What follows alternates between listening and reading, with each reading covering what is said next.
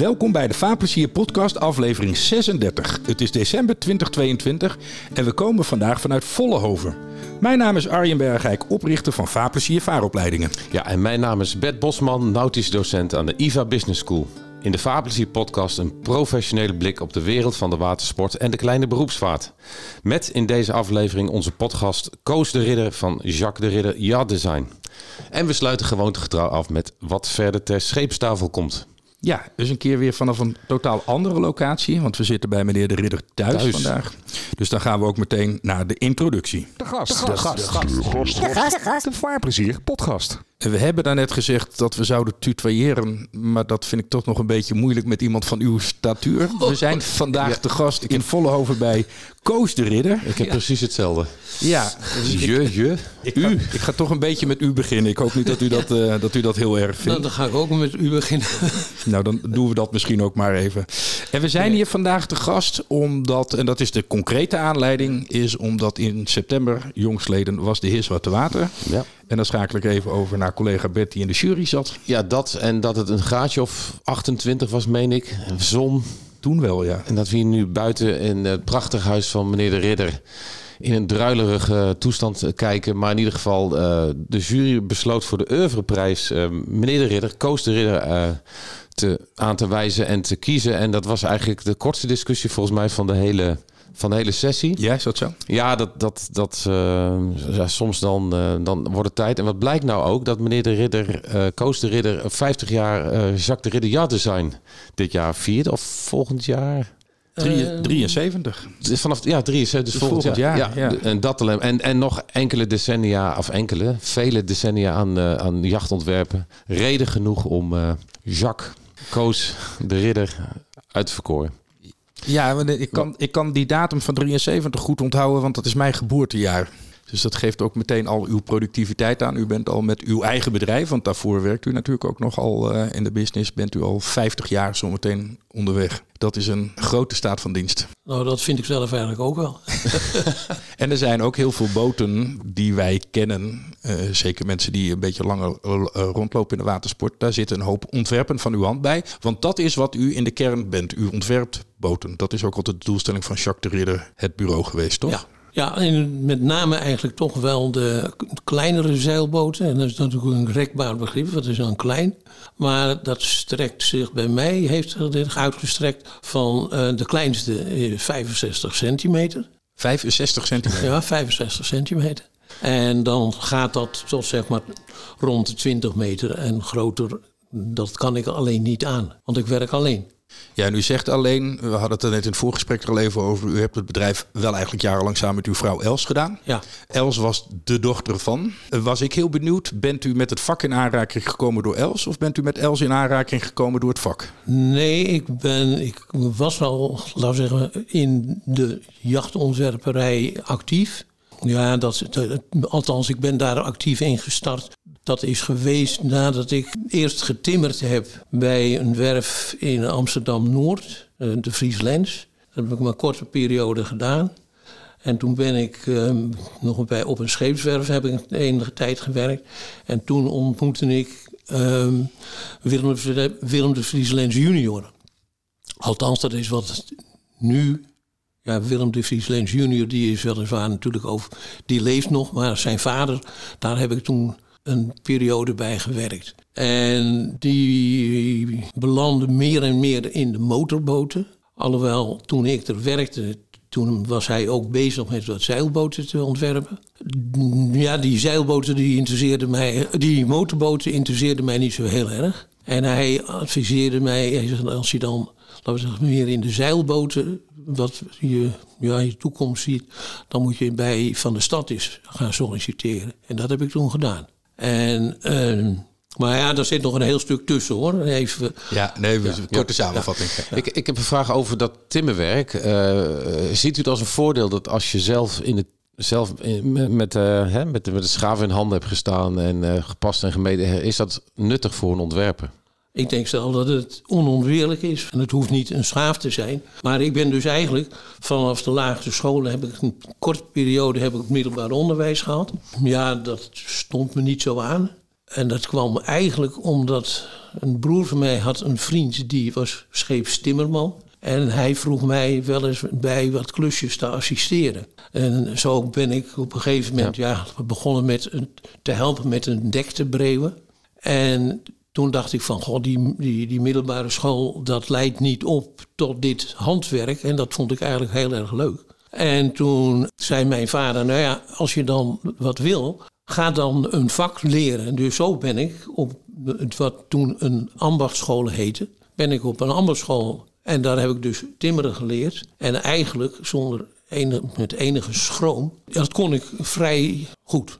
Daar was u handig in. Dat was ik handig in. Ja. Ja, en dus toen ik dat diploma gehaald had, toen ben ik dus bij die werf in Amsterdam-Noord gaan werken. En daar heb ik dus, nou, ik denk een half jaar, nog niet eens een half jaar gewerkt. En toen kwam ik dus die Willem de Vries Lens tegen. En die verliet de werf waar hij werkte. Waar, en op die werf was hij ontwerper. En hij begon zijn eigen ontwerpbureau. Nou, dat leek mij wel wat om bij hem aan de slag gegaan. A was het ontzettend vriendelijke, aardige man. En hij was gewoon ook, ja, laten we zeggen, hij was op, op, zijn vakgebied, was hij toen, de tijd, was hij ook gewoon best toonaangevend. De hele werf waar hij vanuit uitkwam, was ook toonaangevend. En u had veel vertrouwen in zijn plan om daar een apart ontwerpbureau van te maken. Dus u wilde met hem mee. Mm, Ik wist toen niet beter. Oké. u had de plannen niet helemaal diepgaand geanalyseerd. Nee. nee. Maar u, u, had zoveel vertrouwen in hem. Ja. Dat u dacht, ja, dit ja. is een goed idee. Maar toen had ik al gesolliciteerd bij Van der Stad. En ik zei, ja, ik heb eigenlijk geen plek. Want toen was bij de firma van de stad, daar was dus weliswaar er was een tekenkamer. Maar dat was echt een heel primitief klein hok. Waar of toen de tijd 1, 2, 3, 4, 4 man stond. En uh, ja, er was nauwelijks, nou, ja, er was eigenlijk geen plek voor een vijfde. Maar er was nog wat anders in die periode. Akkerman en Kremer, die hadden het plan om voor zichzelf te beginnen. En Van de Stad zei toen tegen mij van ja, gewoon luister eens. In januari dan heb ik waarschijnlijk plek. Dit is en, de Kremer van de Waarscheep? Ja, en Akkerman ook van de Waarscheep. Oh ja, ja. oké, okay, ja. Kijk. Maar toen heb ik een jaar, heb ik ongeveer, nee het was geen jaar, ongeveer een half jaar gewerkt op een fabriek waar ze stalen meubelen maakten. En dat was eigenlijk ook wel interessant. Maar toen ben ik dus bij uh, Van de Stad aan de slag gegaan. Als je werkt in stalen meubelen, heeft dat qua constructie, uh, is dat nuttig ook voor jachtbouw uiteindelijk? Nee, dat was misschien dat was niet uit dat dat nuttig was. Het bleek achteraf wel nuttig te zijn geweest. Maar mijn vader die werkte daar. En ja, die, om die stalen meubelen te maken had je machines nodig. En hij ontwierp eigenlijk die machines. Helder. Ja. En op een gegeven moment was er wat tijdsdruk op die tekenkamer daar. En toen zei hij van nou ja, jij bent nu toch een beetje aan het land te vanteren. Ga jij maar, dan kun je die tijd tot dat je bij Van de Stad aan de slag kunt, kun je hier. En heb ik daar ongeveer, ongeveer een half jaar gewerkt. En toen was u bij Van de Stad en toen kwam u de dochter tegen. Nou, ik wist toen eigenlijk niet dat hij dochters had. Ah, oké. Okay. Dat, dat kwam later. Maar dat bleek al snel wel. Ja, maar zij, Els, dat was dus de jongste van het, het stel. En ook een beetje, enigszins, ja, je zou het nu een nakomertje noemen. Maar... En Els is ook in uw privé uiteraard, maar ook in uw zakelijke carrière heel belangrijk voor u ja. gebleken. Ja. Want de, als ik over u lees, dan staat er heel vaak... ja, het is natuurlijk Coaster maar zonder Els was dat ingewikkeld geworden. Nou, administratief. En ja, laten we zeggen, het schrijven van... ik kan wel een kladje maken... maar om daar een beetje een ordentelijk briefje van te maken... dat was eigenlijk wel heel plezierig dat zij dat... Uh, en dat deze dus in het Nederlands, maar in het, ook in het Engels of in het Frans. En dat was eigenlijk wel een zegen dat zij dat kon. Maar dat niet alleen, want zij had ook, ik heb me wel eens over positieve zin over verbaasd. Dat ik, als ik wat aan het tekenen was, dat ik ja, wel eens dacht van, goh, wat zou zij ervan vinden? En dat ik er dan vroeg, en dan, dan kwam ze ook met ongezouten kritiek of aan of opmerkingen of suggesties. En ik had soms wel eens de indruk dat zij van uh, boten bouwen en hoe een boot eruit zou moeten zien, dat zij er meer ja, meer zicht op had en meer uh, verstand zelfs dan menige jachtbouwer. Hoop ik dat, dat de jachtbouwers mij dat niet in. euvel zullen duiden.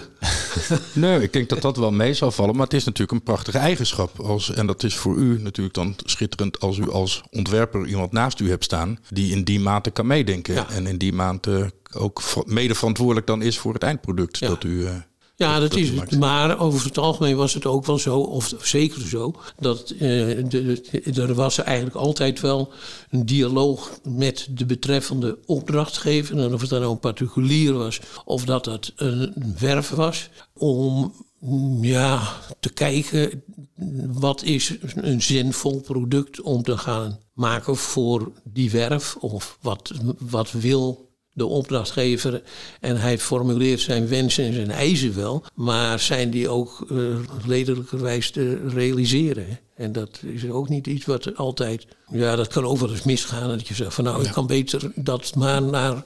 Het is zinvoller om deze klant naar een collega over te hevelen. Want dan komt er waarschijnlijk meer een product uit dat bij die klant past. Ja. ja. Was Els daarin ook uh, echt een gesprekspartner? Ook op dat gebied, zeg maar, ja. marketing heet dat tegenwoordig. Van nou, misschien dat dit niet de, de juiste combinaties van ontwerper en, klant. Ja, maar dat soort situaties hebben ze zich niet heel erg veel voorgedaan hoor. Maar ze was daar wel, ze gaf daar wel haar, haar mening over. En ze was goed in haar talen, heb ik begrepen. Hè? Want in een voorwoord van Jim Post van Dining Magazine, zijn allereerste voorwoord, daar heeft hij het uitgebreid over u en Els. Uh, zegt dat zij nog bemiddeld heeft tussen haar vader en de oude heer Chenot. Ja, want haar vader sprak dus uiteraard wel Duits en Engels. Maar Frans was, uh, was hij niet machtig, e-, evenals ik. Dan ben ik eigenlijk, ja, ik kan hem een brood vragen en een glas wijn. Ja. Meer ook niet. De belangrijkste dingen wel te pakken. ja. Maar nee, zij ging dus eigenlijk uh, misschien 17, 18 jaar of zo... ging ze met hem mee daarheen om te kijken. En toen was Chanot was dus echt een heel primitief klein werfje... waar ze van die... Uh, ja, van die bootjes maakten voor de kustzeilerij en, en, en, motorbootjes en zo. Dat soort ja. werk. U heeft dus de opkomst van de polyesterbouw van echt vanaf het begin meegemaakt? Ja, en, en zag u dat meteen zitten als bouwmateriaal? Of, of dachten nou, staal of, of hout is, is, is meer geëigend? Nee, maar ik denk dat voor iedere soort boot daar wel een favoriet materiaal voor is. Niet helemaal. Er zijn ook natuurlijk van die overlappingen. Maar ik denk dat, ja, dat afhankelijk van het soort bootje, vind ik dat daar een materiaal bij hoort. En is daar dan een ruwe indicatie voor wanneer kiest u voor hout of kiest u naar polyester? Of is dat echt een heel scala aan overwegingen die je dan maakt? Dat is ook weer, ja, wordt een beetje, nou sorry, het wordt een beetje technisch. Maar het is een beetje afhankelijk van aan wat voor eisen moet de betreffende boot of bootje of boten aan voldoen. Moet het seriebouw zijn, maar moet het een rond de wereld zeiler zijn waarbij de kans bestaat dat hij ja, ook nog eens een keertje eh, moet kunnen stranden en, en, tegen de stenen liggen te rossen. En dan kies je daar een ander materiaal voor dan wanneer het een bootje of een boot of een bootje is. Wat of verzorging krijgt en wat, waar of de, de, de kans op schade dat die minimaal is. Was dat in de jaren 60 voorzien met polyesterboten dat ze in anno 2022 nog zouden bestaan en, en drijven zelfs? Het probleem is dat nu dat die end-of-life boten, die zijn klaar eigenlijk. Niemand heeft er meer behoefte aan, maar ze, ze zijn nog steeds intact eigenlijk. Die, die oudere polyesterboten die misschien wel overgedimensioneerd gebouwd werden. Ja, nou er zijn natuurlijk een heleboel boten uit, zeg maar even, pakweg de 50 jaren, die als polyesterproduct nog de toetsen der kritiek kunnen doorstaan. Ja. En dan is het eigenlijk meer dat de vaareigenschappen of de uitrusting van mastzeilen, tuigages en, en lieren en noem maar op, dat die achtergebleven zijn.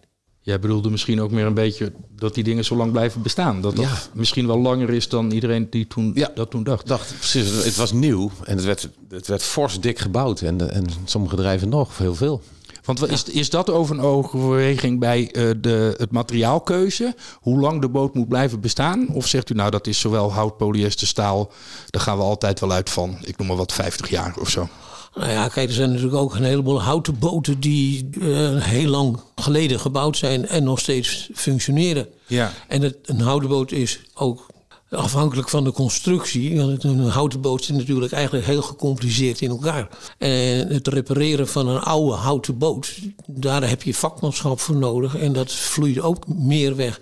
En een polyesterboot of een stalen of een aluminiumboot of een hedendaagse houten boot, plakhout, hechthout, of het kan niet schelen wat. En dat is eigenlijk, die zitten toch weer, zijn wat anders gefabriceerd en die zijn relatief eenvoudiger te repareren. En ja, wat die dikte van de, de eerste generatie polyesterboten betreft, die waren wel overgedimensioneerd. Maar dat kwam eigenlijk ook omdat er geen vergelijk was. En uiteindelijk zijn, laten we zeggen, wat er in de grote scheepsbouw zijn de materiaalafmetingen zijn ook empirisch zijn die ontstaan. Hè? Wat gaat er stuk? En op een gegeven moment zegt Lloyds, die zegt nou dat gaat stuk.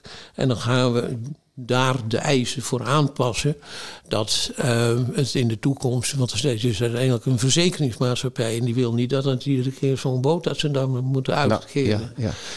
U, u, heeft uh, snelle zeiljachten getekend. Ik wil op dat zeiljachten zo nog even terugkomen. Maar is ook snelle. En is dat per definitie op de rand van sterkte en breken? Of, of valt het met zeiljachten ook wel mee? Dat, er zitten daar grote marges op? Bedoel jij met name voor het gewicht ook? ja, de, de strijd tussen snelheid, dus licht, en gewicht en sterkte. Nou, ik vind dat er eigenlijk geen strijd over hoort te zijn hoor. Mm ik heb dus wel, maar ja, dat is van de enige tijd terug, de vraag gekregen van hoe hard denk je, hoe snel denk je dat die boot kan zeilen. En toen ik die voorspelling deed, dan zei hij eigenlijk van ja, dan wil ik wel dat als ik dan ergens tegen aanvaar, dat het dan heel blijft. Ik zei, nou ja, dat kan niet. Dus er zit ergens een grens aan wat of realistisch is. Althans, dat is dan in relatie. Als het over een kiel gaat, en dan betekent het eigenlijk ook, dan heeft het met de kielconstructie, de ophanging van de kiel in de boot te maken. En in plaats van dat je dan een wrang van, uh, laten we zeggen, van 8 centimeter, dan moet hij wel 15 centimeter dan worden. En dan wordt er gemekkerd over dat er geen staarhoogte meer in zit. Dus dat, dat, dat is dan een beetje het probleem. Maar in principe vind ik niet dat dat een, uh, een strijdpunt mag zijn. Nee. Maar gebeurde dat vaak dat mensen bij u kwamen zeggen: wij willen een boot die heel stevig is, dus een beetje zeg maar de toerzeiler kwaliteiten, maar hij moet wel heel snel kunnen ook. Of waren de meeste klanten wel zo reëel dat ze zelf wel wisten welke van die twee het belangrijkste voor ze was? Ja, nou ja, ik heb een tijd terug heb ik een aluminiumboot getekend. En de opdrachtgever die had ook een aluminiumboot. Heeft had ervoor een stalen boot. Nou, die stalen boot was best een robuust ding. En die aluminiumboot is ook een robuust ding. En hij had toen als wens, of eis eigenlijk, om uh, een knoop harder te varen dan zijn vorige boot. Maar nou, dat was eigenlijk heel simpel om hem een knoop harder te laten varen. Maar hij heeft niet erbij gezegd, maar dat mag ten koste gaan van de veiligheid. Want hij had daar wel een forse reis mee voor ogen. En ja, die moest hij wel succesvol. En dat is ook succesvol verlopen. Dus dat, dat, ja, je kan daar eigenlijk geen compromissen in. En hebt u die knoop kunnen vinden doordat u van staal naar aluminium Nee, ging? want dat was al, dat, oh, was, al van aluminium. Oké. Waar vindt u die oplossing dan? Even ruw weg? Nou, ruw weg. Als je hem groter maakt, gaat hij harder. Ja, oké. lengte loopt. ja. ja. En dat is ook hier de oplossing geweest uiteindelijk? Nou ja. ruwweg. Uh, ruwweg. Het was ook een beetje een ander soort boot gewoon. Oké. Heeft u veel vertrouwen in uh, aluminium als bouwmateriaal voor ja. uh, schepen? Ja, dat is wel een heel mooi materiaal hoor. Ja, want ik sprak onlangs een expert, een jachtexpert, die in duizenden boten heeft gezien. En toch wel zijn bedenking heeft vaak bij wat oudere aluminiumschepen. En dat heeft natuurlijk met galvanische corrosie te maken. Ja, ja, dat is een verhaal geweest natuurlijk uit lang vervlogen tijden. dat als je, ja, als je je kon permitteren een aluminiumboot, maar als je een stuiver uit je zak liet vallen en je kwam een maand daarna, er zat er een gat in als hij al niet gezonken was. Nou ja, dat is nu, ja, dat is, dat is niet echt serieus. Nee. Dat zo, nee. Nee, dus dat, je moet er wel oppassen. Ja met verschillende materialen die je kiest. Ja. Met elektriciteit en noem maar op. Maar ja, dat betekent eigenlijk ook, ja, dat wordt ook gezegd van, ja, let op waar je je boot afmeert. Als je langs een, een damwand en je laat hem daar te lang liggen, dan vallen er ook de gaten in. Nou ja, dat is iets genuanceerder. Als je als een monteur een bako laat liggen, dan zinkt hij binnen uh, no time af. Ja. Nog heel even terug over die sterkte. Uh, had u in de Fastnet race van 79, de beruchte race waar ja. die stormen vliegende storm overheen trok, over het wedstrijdveld, had u daar ontwerpen varen? Ja? En hoe zijn die, die er doorheen gekomen? Dat we net over veiligheid en sterkte hadden. Nou, dat is wel een grappige vraag. Want ik weet volgens mij eigenlijk maar van twee omdat het beide van goede kennissen waren van mij. Van de een waren en van de ander zijn. En de een, dat was een zeer bevaren Nederlandse zeiler. Die heeft op een gegeven moment gezegd... we gaan nu niet langer wedstrijd zeilen. We gaan nu overleven. En zo zijn zij ook hebben ze de wedstrijd, of tenminste hebben zij, laten we zeggen, gehandeld. En dat is allemaal goed gegaan. Uh, er was een andere boot met jongere lui, maar die ook wel van wanten wisten. Eén daarvan die werd dermate zeeziek dat ze gezegd hebben van...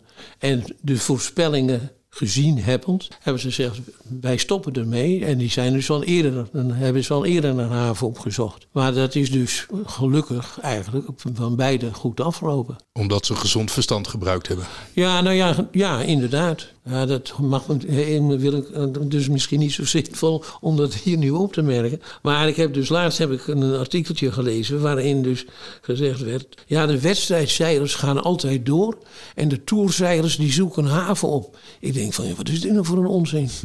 dat vond ik eigenlijk een beschamende opmerking.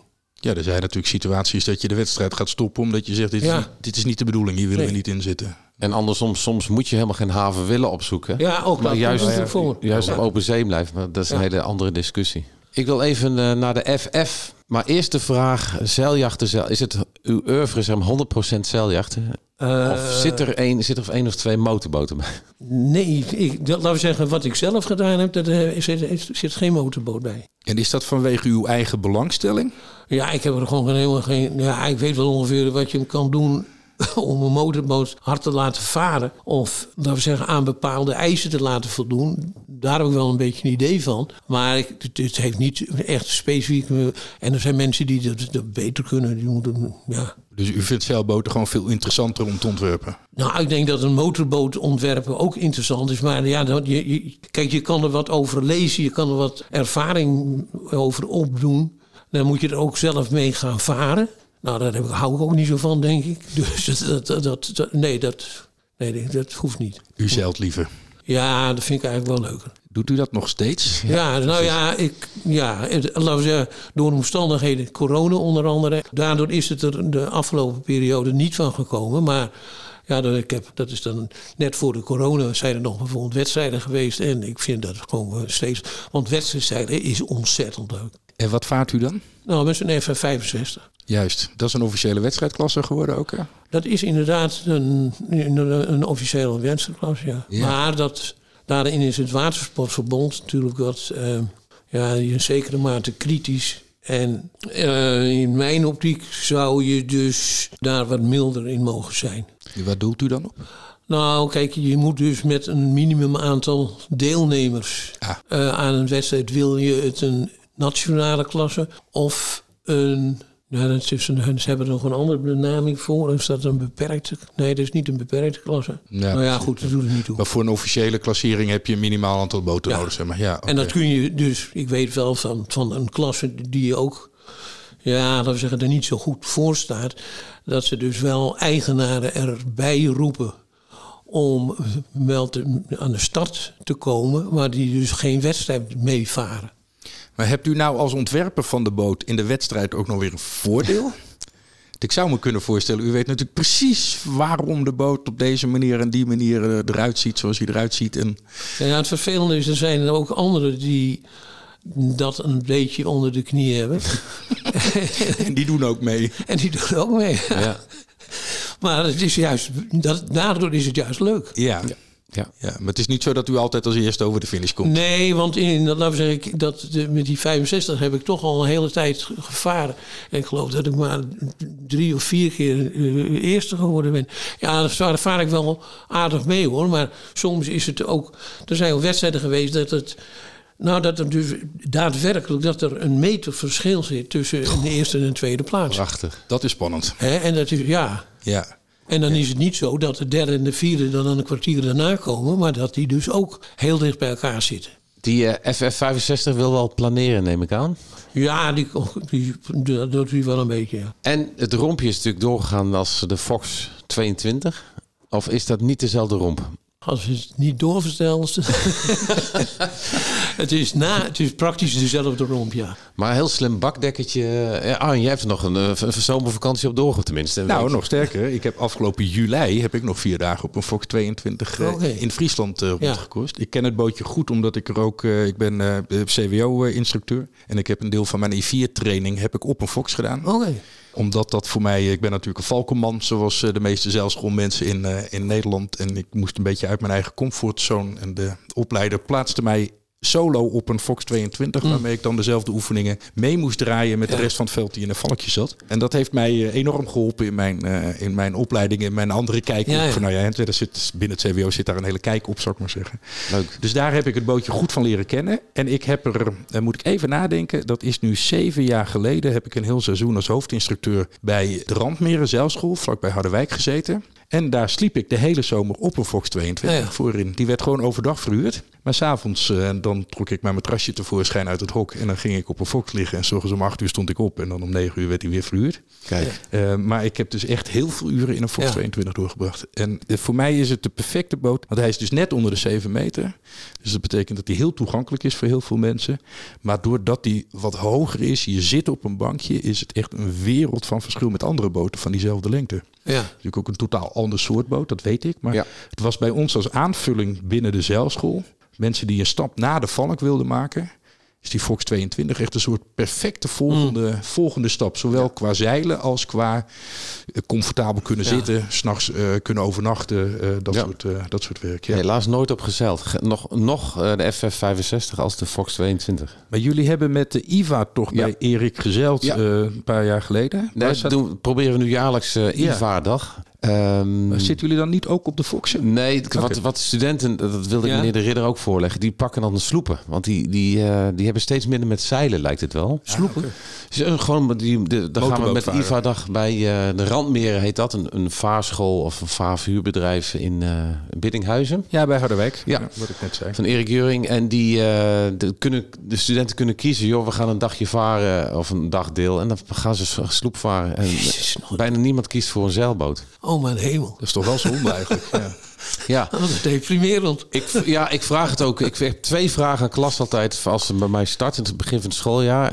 Ze- wie zijn die zeilers? Dat is een, grote minderheid, maar soms ook hele goede zeilers, wedstrijdzeilers. En wie houdt er van rockmuziek? Eh, dat is even een persoonlijk ding, maar dat zeggen, zeggen ook mensen, sommige of een hele klasse niet, niemand meer.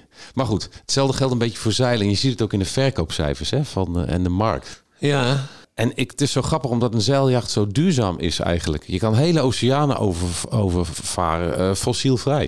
Nou, dat zie je zel- zelfs met de Trezombre, zie je dat nu. Ja. Hè? Dat ze gewoon vracht vervoeren. ja, dat vind ik wel super mooi. Fantastisch, ja. Ja. Ja. Het is natuurlijk Ja. niet de oplossing voor alles wat we nu doen. Maar dat, dat we de mogelijkheden onderzoeken en dat we het proberen en dat we Ja. ermee bezig zijn, is natuurlijk wel de methode. Ja, en ze zijn volgens mij zijn ze bezig met een tweede of een derde boot. Ja, volgens mij ook. Volgens mij zijn ze daar al heel ver mee zelfs. Ja. Ja, leuk. Nou, en Igor Kluin dus van Vaanjacht spraken we voor u in de podcast. En die, die, die maakt zijn hele bouwproces eh, draait om duurzaamheid. En ook, Ja. ook de materialen, aluminium. En de zeilen is Nou, dan is nog... aluminium natuurlijk van, qua recycling is het natuurlijk een duurzaam materiaal. Ja. Maar het is aan de andere kant om een kilo aluminium te Klopt, ja. maken, is natuurlijk ook eh, Ja. even een dingetje. Dat vertelde hij precies. En hij haalt uit Duitsland haalt hij een, eh, gerecycled eh, aluminium. En dat heeft een Ja, maar factor... of je het nou uit Duitsland haalt of uit, eh, uit eh, eh, ergens uit Nederland, dat maakt niet uit. Dat Nee, exact, exact. Ja, Of het moet daar op een hele mysterieuze wijze.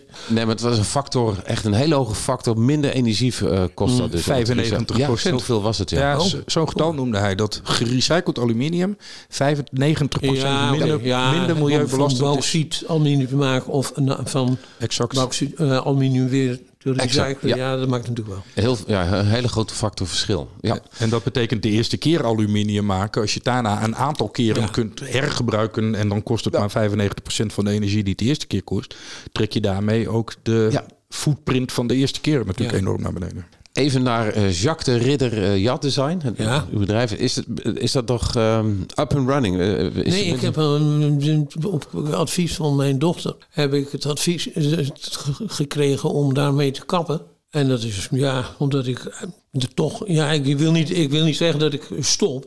Eh, als er iets leuks te doen is, dan doe ik dat. Ja. Maar laat ik zeggen, het, eh, de romslomp van twee rekeningen en een administratie en dat soort dingen, daar, wil ik- daar wil ik van af. Maar we zitten dus wel op een jubileum eh, zo'n beetje, toch? 50 jaar eh, Jacques de Ridder Yacht Design. Ja, oké, maar ik doe er niks aan hoor. Oké. U doet niks aan het jubileum. Nee, want dat zou volgend jaar dan plaatsvinden. Want u Ja. begon, beg- bent begonnen in 1973. Is, ja, dat, dat wordt nog iedere keer beweerd. Ik weet niet of Oh. dat echt zo is hoor. Ah, meende ik gelezen te hebben op, Ja. eh, op internet. Oh, En dat getal ont- onthield ik makkelijk, zei ik daarnet ook Ja. al in het voorgesprek, want dat is mijn geboortejaar. ja, dat klopt wel. Het is inderdaad, 19, nee, het is inderdaad 1973. Ja, nou dat maar is geen toch groot feest dus. Nou, dat wou ik me niet doen. U tekende met de hand? Ja. U ooit met CAD-CAM en computers... Nee, ik heb wel een, eh, een rekenschuifje. En ik heb ook wel, ik kan, eh, ik heb wel wat hulpmiddelen en zo. Maar ja, ja, dat is, in Nederland bestaat zoiets. Het is nu een beetje ook een zachte dood aan het sterven. Een werkgroep jachten. En die werkgroep jachten was onder de bezielende leiding van professor Jelle Gerritsma. En al jaren geleden, toen die, eh, al die computerprogramma's ontwikkeld werden, toen werd er gezegd in Delft, ja, dat is de toekomst en daar gaan wij naartoe. En ik zei, jeetje, dan moet ik daar ook aan. Het spreekt mij weinig aan. En ja, ik vind het gewoon wel aardig, gewoon als een handwerk te zien. En te- dus ik ben daar nooit in Nee. aan toegekomen. En ik, ik vind het ook een, ja, ik durf dat amper te zeggen, maar het is een, een stijl van werken die, die, die ik niet kan. Hè? Maar ja, ik teken dus gewoon met een potlood. En grote vellen dan, neem ik aan. ook kleintjes. Oké. Kleine en grote. Maar het grappige is wel dat ik heb dus een tijd terug een aluminiumboot getekend. En eh, daar kwam op een gegeven moment had de werf had daar ook een detailtekening van gemaakt. En die detailtekening was op een A4'tje en het was één zwarte kluwe. En ja, laten we zeggen, beslag wat aan dek hè, voor puttings of andere dingen. Ja. Die teken ik soms dus nog op ware grootte. En voor een metaalbewerker, tot voor kort was dat gewoon een zegen dat we het daarvan zo konden maken. Inmiddels, omdat er natuurlijk, laat ik zeggen, ook die input in een machine gedaan kan worden, is dat niet meer nodig. Maar tot voor kort was dat gewoon heel handig. Maar even terugkomt op die professor Gerritsma, die zei van nou ja, als je dat nou zo de, daar plezier aan hebt om het zo te doen, moet je het lekker zo blijven Ja. doen. En dat het zo lang zou duren, dat had ik ook niet gedacht. Want ik had eigenlijk met, met 50 jaar willen stoppen met werken, maar dat is niet gelukt. Nee, dan bent u een klein beetje over Ja. datum. Want Ja, een jaartje of 30. ja, een jaartje of dertig eh, verder zijn we. Ja. Want het is dus in de praktijk ook gewoon nog steeds mogelijk om het met de hand te doen. Het is niet zo dat die computer dingen heeft overgenomen... waardoor er nu in het ontwerpwerk dingen missen als je het niet met de computer doet. Nou, het vervelende is dat, laten we zeggen, dat er instanties inmiddels zijn die je om eh, gecomputeriseerde eh, informatie vragen. Nou, en die slag kan ik dus eigenlijk niet meer. Ja, of die kan ik nog wel maken, maar dan heb ik assistentie bij nodig. Dat heb ik ook al gedaan hoor. Dan moet iemand anders dat doen op basis van uw informatie. Ja. Ja. In die zin, hoe kijkt u naar de, bijvoorbeeld de huidige America's Cup met al die eh, snelle schepen, 80, 190 km per uur op draagvleugels? Dat is natuurlijk allemaal ge- gecomputeriseerd, ook die ontwerpen. Wat, hoe kijkt u naar dergelijke wedstrijden? Nou, dat vind ik wel waanzinnig interessant. En ik, heb, ik, ik kijk daar dus eigenlijk maar weinig naar. Maar ik heb dus daar nog een beeld van. Dat was een Amerikaans schip wat tegen een Italiaan voer. En ja, ze varen dan in zo'n driehoekje even. Ja. En die Amerikaan die belandde dus op de linkerzijde van de driehoek, waar het toen eigenlijk wij, wat, even wat minder wind was. Nou, dat was zijn keuze. Maar die Italiaan, die kwam van de stuurboordkant. En je ziet dan op het beeld zie je dus de tijd lopen en je ziet de boot erop afkomen. En dat gaat dan echt op de seconde dat het ding er overheen gaat. Ja, dat is fantastisch. Maar dat is dan meer, laten we zeggen, de timing en het sturen en ja, hoe dat dan gaat. Ja. Dan, maar laten we zeggen, die manier van varen is natuurlijk waanzinnig interessant. Ja, dat is de tactische kant van de sport. Ja.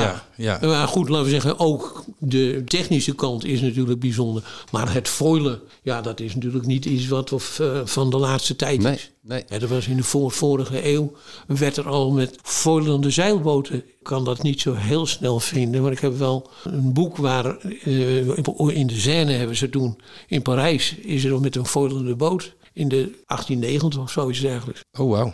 Ja, ik heb ik, in, in mijn studie eh, met, hè, voor de IVA-studenten daar heb ik, laat ik een plaatje zien van een foilende motorboot. Een soort frame is Ja, maar dit is een zeilboot hoor. Oké, dus moet je nagaan. Uit begin 20e eeuw. Ja. Dus nieuw is het niet, maar de materialen zijn natuurlijk veel Ja. sterker en lichter geworden. Ja. Ja, en ik denk dat er veel informatie uit de vliegtuigindustrie over aerodynamica natuurlijk geholpen heeft om boten stabieler Ja. te kunnen laten foilen. Ja. Vermoed ik. Nou Ja, laten we zeggen, we hadden natuurlijk een beetje niet helemaal hetzelfde. Maar de watervliegtuigen, die foilen Ja. dus ook een tijdje. Ja, feitelijk wel natuurlijk, dat is waar. Ja, ja. Ehm, waar we al een beetje bang voor waren gaat gebeuren, dat we de tijd snel vol krijgen. Maar er zijn nog een paar heel belangrijke vragen. En eentje is misschien waarvan u zegt, ja, daar kan ik geen antwoord op geven. In al die ontwerpen die u in al die jaren ontmaken heeft, is er één boot die daar voor u uitspringt, omdat u zegt, dit was de meest bijzondere die ik gemaakt heb, of dit vind ik zelf de mooist varende, of uiteindelijk het mooiste ontwerp?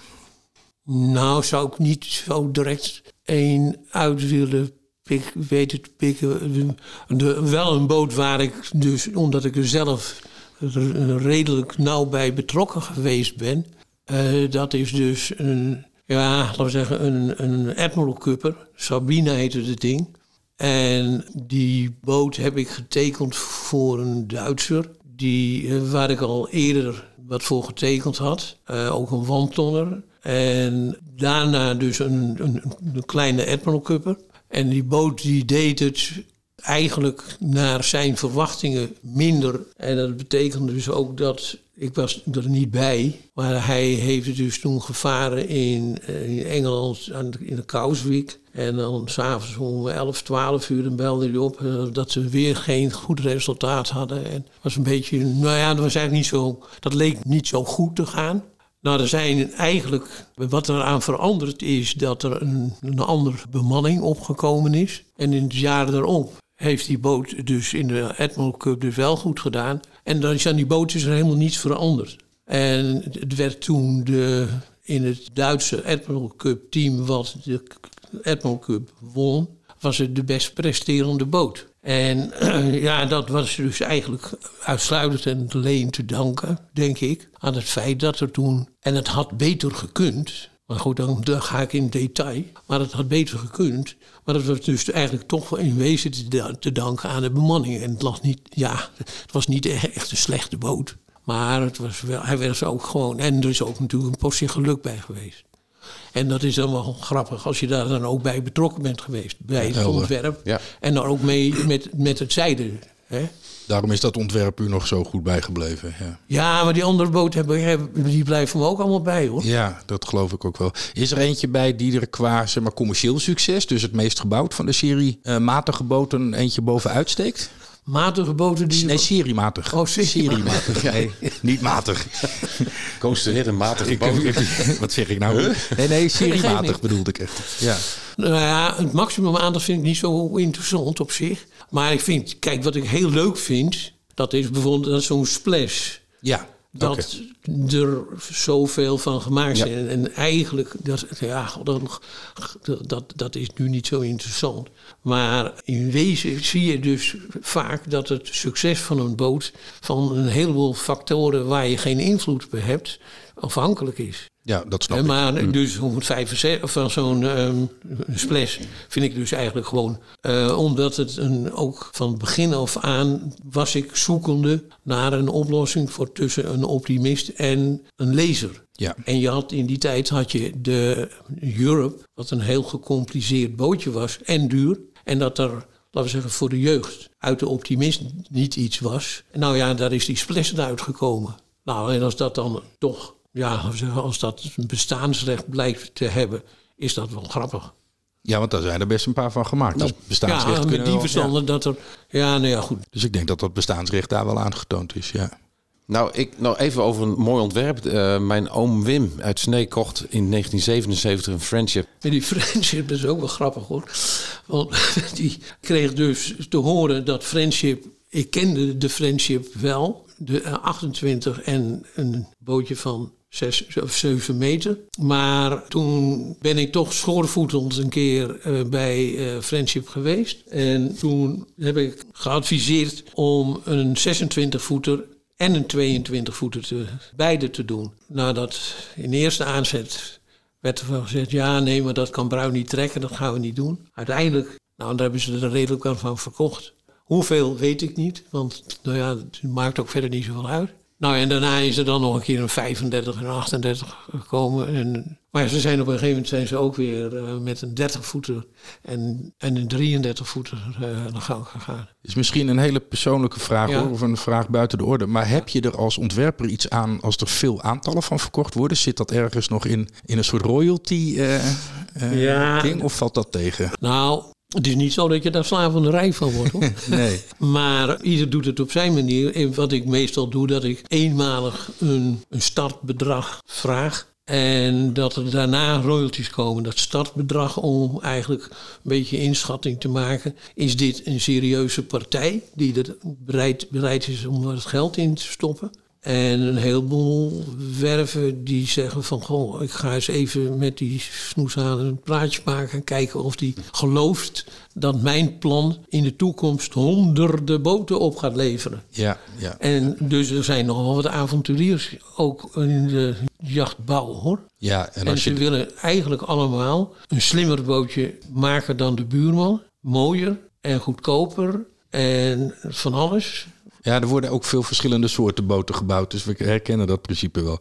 Is er één moment, en dan moeten we ook alweer richting afsluiting, want we hebben alweer een hoop, eh, hoop eh, minuten opgenomen. Is er één moment in uw carrière waar u specifiek heel erg trots op bent of tevreden over bent? Dat u zegt dat we dat toen gedaan hebben. Dat vind ik eigenlijk wel. En ik vraag dit natuurlijk een klein beetje omdat we het hebben over uw oeuvre award. Hè? Dus daarom Ja. kijken, we, kijken we een beetje terug op uw, eh, op uw oeuvre. Nou, eigenlijk van iedere boot die te water gaat... en die niet voor of achterover ligt... die over bakboord of stuurboord ligt... die niet vooruit te branden is... dat vind ik eigenlijk al een mooi moment. En dus iedere Juist. keer als je het werk serieus doet... dan moet dat niet tot teleurstellingen leiden. Ik heb het gelukkig niet meegemaakt. Ik heb het wel van andere boten gezien... Ja. En dat is desastreus. Ja, En dat heb ik dus niet gehad. En dat wil ik ook, ja, dat wil ik eh, even afkloppen. nou, dat, Maar ehm, eigenlijk, wat ik op zich wel. Ja, iedere boot die dus dan te water gaat en waar een opdrachtgever een beetje tevreden over is, dat vind ik eigenlijk wel een mooi moment. En wat ik voor mijzelf eigenlijk toch wel een mooi, mooi, mooi moment vond, wat ik net aan refereerde, dat is aan die Admiral Cup zeilerij, dat je, dat, wat dan toen in die tijd toch een soort officieus wereldkampioenschap zeezeilen is. Nou ja, dat je dan toch eigenlijk, laten we zeggen, als winnend team met een winnende boot. En dat is wel als je dan, ja, laten we zeggen, de haven binnenvaart en hoort, hé, hey, van als het nog even duurt voordat de volgende komt, dan heb je gewonnen. Dat is dan wel eigenlijk wel weer grappig. ja, ja, dat kan ik me goed voorstellen. Ja. Apetrots zou ik zijn, maar dat Nou, gaat mij niet gebeuren.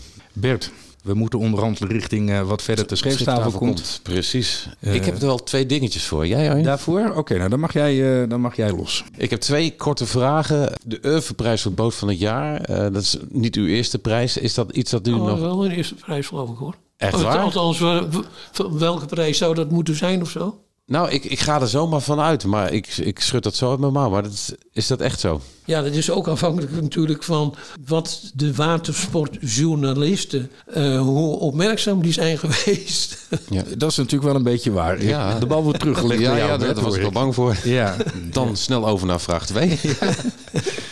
In ons, eh, we zaten net al even te bal- babbelen bij de koffie. Eh, u zegt, u bent aan het archiveren in uw eigen werk. Eh, dat is natuurlijk een heel, u bent aan het grasduinen door, ik neem maar allemaal papieren dossiers van tientallen jaren jachtontwerp. Heeft u, eh, kunnen daar iets nog eh, van verwachten of, of een, een boekvorm of doet u dat helemaal voor uzelf? Nou, ik ben wel in gesprek geweest met iemand die. dus Ja, niet alleen met iemand, maar met mevrouw Elisabeth Spits. Nee, maar zij heeft een tijd terug een boek geschreven. Jachtontwerpen of jachtbouw 1875-1975. En zij is conservator geweest bij het Scheepvaartmuseum. En zij schrijft nu incidenteel ook nog wel in um, Spiel der Zeilvaart. En ik sprak haar niet al te lang terug. Ik zeg, goh, 1975, van 1975 tot 2025 is er in de jachtbouw best het een en ander gebeurd. Ja, Nu zijn er nog mensen die daar Iets wat over kunnen vertellen. ja. Ze ontvallen ons ook. En is dat niet iets om wat aan te doen? Ja, ze zegt maar, dat is een hele klus. Ja, en zeker. ik ben niet in staat, zij zei, om dat te doen. Maar ik zei, ik ook niet. Kijk, er is ook een boek van een EG van de stad. Nee? Volgens mij heb ik die wel eens gezien, ja. Legendarisch. Ja. We, gaan, uh, we gaan de podcast afsluiten, ja. Bert. Dan, uh, dan kunnen we daar een, een aflevering van maken. Succes. Uh, maar dat gaat goed lukken hoor. Dat is echt geen nee, fantastisch. Ja. Tot zover deze aflevering van de Vaarplezier podcast. Wij danken enorm Koos de Ridder tegenover mij in zijn prachtige huis in Vollenhoven. Dank voor dit boeiende gesprek met veel inzichten. Alsnog gefeliciteerd met de Oeuvre Award. Al zegt het u niet zoveel, we hebben het er al over gehad. Maar het is wel denk ik een erkenning van zoveel jaren prachtige zeilboten. En dat is dan Absoluut. ook een beetje onze dank. Dank voor al die mooie ontwerpen. Bijvoorbeeld de Fox waar 22, waar ik zelf regelmatig gebruik van maak. Ja. Heel fijn dat die er is, dus daar willen we u voor danken bij deze. Ja. Je kunt de voorgaande afleveringen van de Vaarplezier podcast terugvinden in je eigen podcast app of op www.vaarplezier.nl slash podcast. Ja, en heb je vragen, suggesties, opmerkingen of verbeteringen of wil je iets anders kwijt? Mail ons op podcast.vaarplezier.nl de Vaarplezier podcast is een initiatief van Vaarplezier Vaaropleidingen met medewerking van IVA Business School. Voor nu hartelijk dank. Zijn naam is Bert Bosman. En zijn naam is Arjen Bergijk. Tot de volgende Vaarplezier podcast.